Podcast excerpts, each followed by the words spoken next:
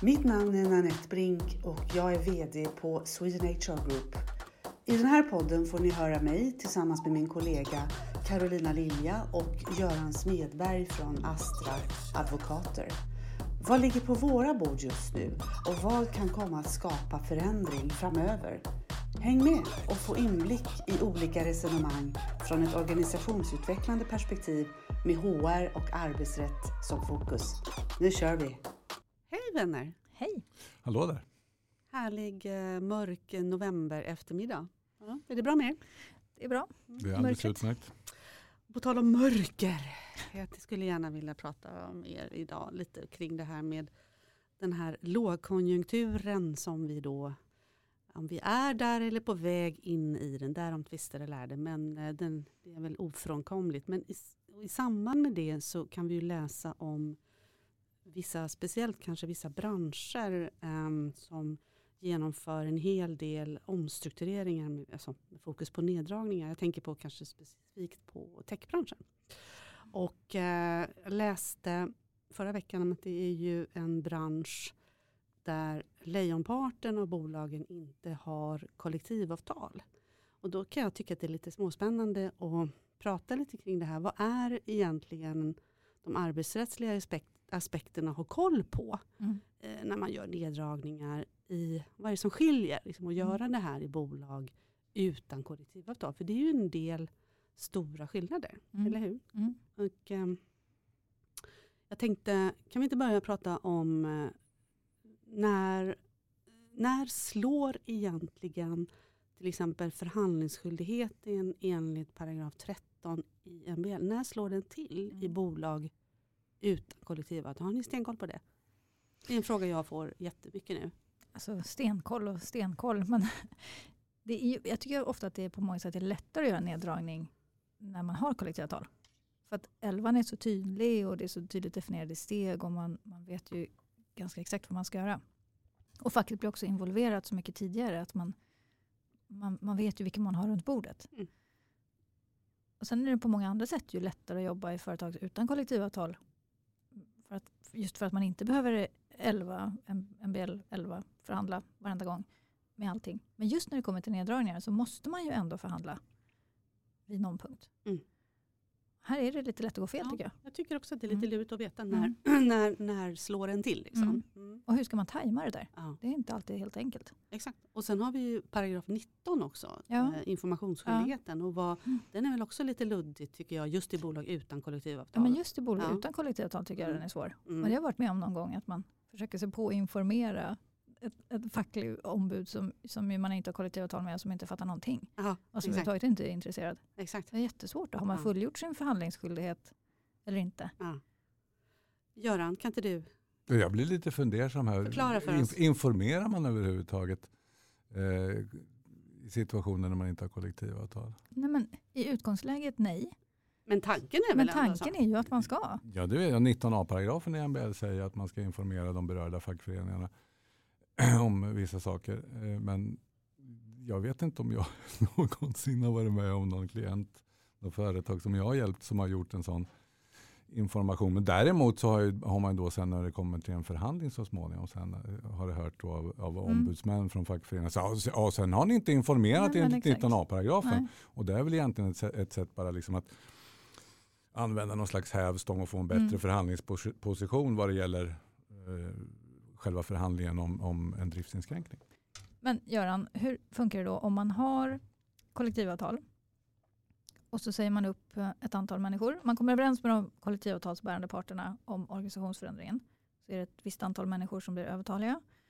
Behöver man då förhandla med de andra fackförbunden som man inte är knuten av kollektivavtalet med om man har medlemmar som är, eller medarbetare som är medlemmar? Nej, i det här fallet då som, som du skissar på så förhandlar man enligt 11 paragrafen enbart med de kollektivavtalsbärande organisationerna. Det är de som liksom har förhandlingsrätten mm. i den här situationen. Inte de här som vi kan kalla för minoritetsorganisationer, det vill säga som har där arbetstagare är, är medlemmar i fackföreningen men man har inte kollektiv, arbetsgivaren har inte kollektivavtal med dem. De har inte någon förhandlingsrätt i den här situationen. Det finns andra situationer där de har förhandlingsrätt.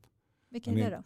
Ja, det är då till exempel om man ska göra en, om man vill göra en förändring av, det är 13 paragrafens första stycke, om man vill göra en förändring av en arbetstagares, en fråga som särskilt angår en arbetstagares, eller möjligen flera, en liten grupp arbetstagares anställningsförhållande eller anställningsvillkor.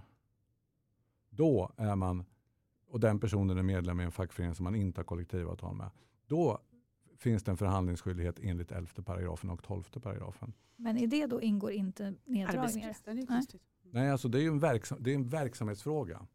11 paragrafen innehåller två led. Det första ledet är det som vi kallar för verksamhetsfallet. Det är en viktigare förändring av verksamheten. Det är till exempel en arbetsbristsituation eller att man vill göra en större nyinvestering. Eller vad det, är. det behöver inte vara negativa saker, det kan vara positiva saker också. Och sen finns det arbetstagarfallet, en, en viktigare förändring av, av, av anställnings eller, arbets eller anställningsförhållandet. Och då är man ju nere på, på det kallar man för arbetstagarfallet och det, då är man alltså nere på en enskild arbetstagare eller möjligen en grupp, en, en avdelning. Få arbetstagare. Mm. Sen var gränsen går mellan de här olika leden i elfte paragrafen, det kan man då diskutera. Mm. Det kan vara svårt ibland att avgöra var gränsen går. Är det bara elfte paragrafen som man ska tillämpa så är det inte så viktigt. Men kommer vi in i trettonde paragrafen, trettonde paragrafens första stycke handlar bara om det här arbetstagarfallet för en arbetstagare som är medlem i en minoritetsorganisation. Och den gäller ju både om man har kollektivavtal eller om man inte har något kollektivavtal alls på företaget. Mm. Visst är det spännande. Här tror jag att många, många en del företag så att säga, överförhandlar då, om man ska säga från arbetsgivarsidan. Att mm. man liksom, även om man har kollektivavtal. Eh, jag tror inte att det är så jätteovanligt. Det tror inte jag heller. Du, Nej, det tror jag verkligen inte heller. Mm. För att det är ju, det är ju ganska svårtolkat kan jag tycka. Det, det kan vara väldigt svårtolkat. Eh, och sen, jag kan hålla med om, om att eh, det är väl bra att om man har en, en, en dialog med sin fackliga motpart kanske en, att man överförhandlar som du säger. Det, det behöver ju inte vara något negativt. Nej, absolut inte. Jag brukar ofta säga det. Liksom, eh, bättre förhandla en gång för mm. mycket. Mm. Liksom. Men det är också intressant för det blir om man, tittar, om man sitter på medarbetarsidan mm. och ska välja eller ska jobba då i ett bolag som har kollektivavtal så är det ju väldigt viktigt att man eh, om man då vill vara med i en facklig organisation att man är med i den fackförbund mm. där som har kollektivavtal med bolaget. Annars faller ju hela grejen. Liksom. Ja, alltså som arbetstagare. Här, som, som arbetstagare. Nej, men om ja, jag sätter mig arbetstagare. Ja, som arbetstagare är det inte så stor poäng att vara med i något minoritetsfackförening. Uh, om man jobbar någonstans där det är kollektivavtal. Jo. jo, om frågan gäller bara den personen. Eh, arbetstagarfallet. Ja, arbetstagarfallet. Men, då finns det en förhandlingsrätt. Men inte om det är en neddragning? Inte om det är en viktigare förändring av verksamheten, till exempel en arbetsbristsituation. Jag tror det, ja. Just det här, ja. Mm. ja, vad intressant. Men hörni, när vi ändå pratar om det. Det är ju den här otydligheten, eh, MBL-skyldigheten, bolag utan kollektivavtal. Eh, ni, ni följde säkert eh, alla diskussionerna som hände med, kring Klarna. Mm. Eh, och med den tvist som, jag är lite osäker på om den pågår fortfarande jo, den pågår. med Unionen eller om den de pågår. är klara. De, eh, det är ju ganska spännande egentligen eh, vad sakfrågan då var. Eh, var det då, jag vänder mig till dig Göran, kan det ha varit då det som vi pratar om att man från unionens sida då påstår att man har brutit mot eh, paragraf 13?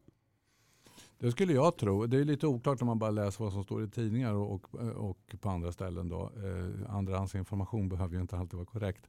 Men, men, men, jag skulle tro att det är på det sättet att, att i det här fallet med Klarna så, så, så anser fackföreningen, unionen då, att man inte, alltså man, man har satt igång med ett förfarande genom att ge vissa arbetstagare ett förslag om att eh, lämna. Ja, för vad jag förstår så är det ju, det är ju, de har inte då genomfört eller varslat om några uppsägningar utan de har då erbjudit medarbetare eh, avgångsvederlag mot att frivilligt lämna bolaget. Ja. Det, det, är det, det, som har hänt. Det, är det, det är det som jag tror har hänt. Mm. Det här blir lite spekulationer efter att ha läst tidningar. Men, och, och då har väl då unionen den uppfattningen, tror jag, att här har man då inte satt igång förhandlingar i 13 paragrafen. För, för det här företaget har väl inte kollektivavtal. Nej, och det är det som är 13 grejen. De har paragrafen. inte Ja. kollektivavtal. Mm. Och, då, och då är frågan när, när liksom kickar förhandlingsskyldigheten in? När ska man sätta igång att förhandla? Är det först när man står beredd att ge eh, arbetstagarna uppsägningsbeskedet? Det, det är väl lite väl sent kanske eh, att ha den uppfattningen då. Utan då är det väl antagligen tidigare, men frågan är hur tidigt? Är det när man, in, när man inser liksom att vi behöver dra ner med x antal hundra personer? Eh, har man, har man liksom fattat beslutet då? Så frågan är, frågan är alltså det här Ja, är en fråga är det som är lite, lite sam- luddig. Va? Eller hur? För har man inte kollektivavtal så behöver man ju inte då förhandla att, att man ska fatta beslutet. Det är det som är grejen. Så det är ju Nej, ganska- precis. Då behöver man ju bara loppa in facket och hantera I- konsekvenserna. ja, men precis, i det enskilda fallet. Jag är inte så säker på, jag är inte så säker på det. Unionen tycker ju uppenbarligen inte att det är Nej, på men det det är sättet. det som gör Klarna-fallet så intressant. Ju. Ja. För att jag tror, min bild i alla fall är ju att Klarna har säkert resonerat rätt utifrån sitt perspektiv. De har ju försökt att, att lösa problemet lite pragmatiskt. Nu Ut, jag utan att behöva säga upp. Ja, Ja, men det är väl och, det. och, ja, och utan att behöva lopa in facket kanske. Mm. Nu gissar jag vi här. Mm. Mm. Men vad de har gjort är att de har gått ut och sagt att vi behöver dra ner personalstyrkan med alla de här människorna. Och sen har man adresserat de människorna som man tänker sig ska omfattas. Och så har man erbjudit dem ett erbjudande. Mm. Och då är det klart att på pappret behöver man inte förhandla då. Och sen har de ju kanske inte gjort det jättesnyggt ibland. Och så har det varit en del, det var, har det varit en del liksom, de har ju fått mycket kritik i alla fall för hur. Och det är väl kanske där facket då egentligen är lite missnöjda kan man gissa.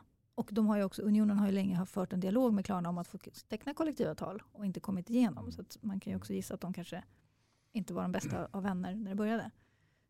Men jag tycker att det också sätter ljuset på, på den här problematiken kring MBL som är att man kan liksom från ett perspektiv göra rätt, göra rätt och det blir ändå fel. Ja.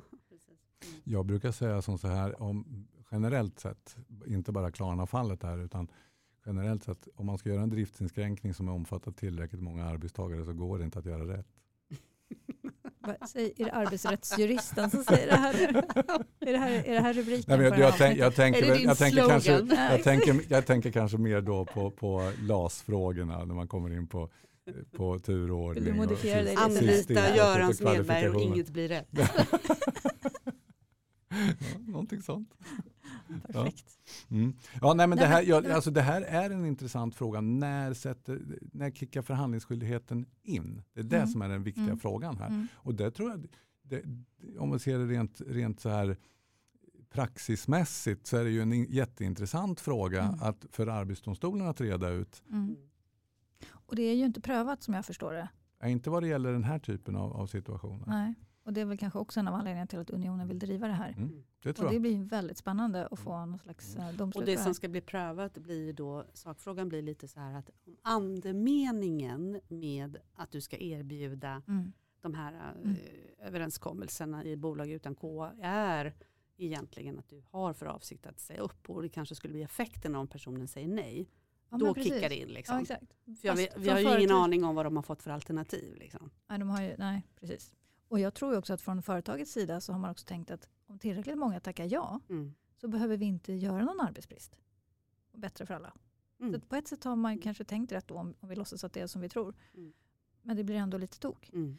Och då vill jag egentligen bara säga en sak till. Också det här som du och jag ofta pratar om Anette. Vikten av att hålla facket nära. Mm. Att inte hamna i liksom sitt, känslan av att vi är två motpoler som är i strid med varandra. I den här podden kan det kanske verka så ibland. Men, eller överhuvudtaget i verkligheten. Men det är ju sällan en framgångsrik väg. Det är ju bättre att, Absolut. att samverka och Absolut. att hjälpas åt. Absolut. Så att, att eh, överförhandla kanske inte är så dumt. Men, kan, men jag håller med dig Carolina, Det- men tillbaka till eh, bolag utan kollektivavtal. Det kan, och det är ju som vi, som vi började när vi började snacka för en stund sedan. När man tittar på många av de här techbolagen nu som, Mm. som kämpar så är det ju oftast där de befinner sig. Mm. Eh, rätt eller fel, Ja, men men, det är deras eh, Mm, vardag. Mm. Och då är det in, inte helt tydligt Nej, det är hur inte man tydligt. hanterar det här. Nej, det är inte. Och jag tror på att man, ska, att man ska ligga nära och samarbeta. Men man måste också vara, precis som du pratade om på webbinariet förra veckan, att man också är medveten om vad man har för olika roller. Så att man också som företag, eller som HR eller vad man nu har för funktion, det är väl nästan alltid HR för sig som går in i de här typen av förhandlingar, att man är också medveten om vad har vi för olika spelutrymmen här. Och vad är ditt jobb och ditt uppdrag Ja, och vad är mitt exakt, uppdrag här? exakt. Sen kan man absolut samverka och ligga nära och hjälpas åt. Mm. Men man måste komma ihåg vad som är vad. Så att man behöver ju vara rätt så påläst. Mm. Det är inte så lätt. Mm. Och visa respekt för varandras roller. Verkligen. Precis vad jag skulle säga. Visa respekt för varandras roller är, jätte, det är Mm. jätteviktigt. Man att, att man, måste man måste veta att man har en facklig motpart som har en uppgift. Ja. Den får man respektera. Absolut. Men kanske man inte tycker om exakt vad de säger men Nej. man måste respektera det Mm. och lyssna på det. Mm. Och kanske stå ut med att de säger nej, nej, nej tre gånger eller hur många gånger det nu blir. Och sen Mm. kanske vi kommer vidare därefter. Exakt. Mm. Sen bara en sista sak Ja, som jag kom på här. absolut. Att de här förhandlingarna, alltså enligt 11 och 13 paragrafen, det finns ju ingen skyldighet att man måste bli överens. Nej. Det är ju viktigt att veta. Utan det handlar om att man ska förhandla med facket så att facket får en möjlighet att kunna påverka beslutet. Mm. Och det är väl möjligen det som unionen tänker på. Vi har inte fått någon möjlighet Mm. att påverka det här om det nu är ett beslut som, som är fattat överhuvudtaget. Just det. Det kan man ju också fundera kring. Mm. Ja, nej, men det, var- det var bra slutkläm. Eh, tack Göran. För det, är det här ordet förhandla, Mm. förhandling kan vara väldigt laddat. Mm. Eh, mm. Men, eh, nej, men vi får väl parkera den här frågan. Det ska bli spännande att följa vad som händer eh, med, med Unionen och Klarna. Mm, faktiskt. Verkligen. Se vad som händer där. Så att, eh, stay tuned. Men eh, då ses vi nästa vecka. Det gör vi. Det gör vi. Ha det så bra. Ha det så bra. Hej då med då!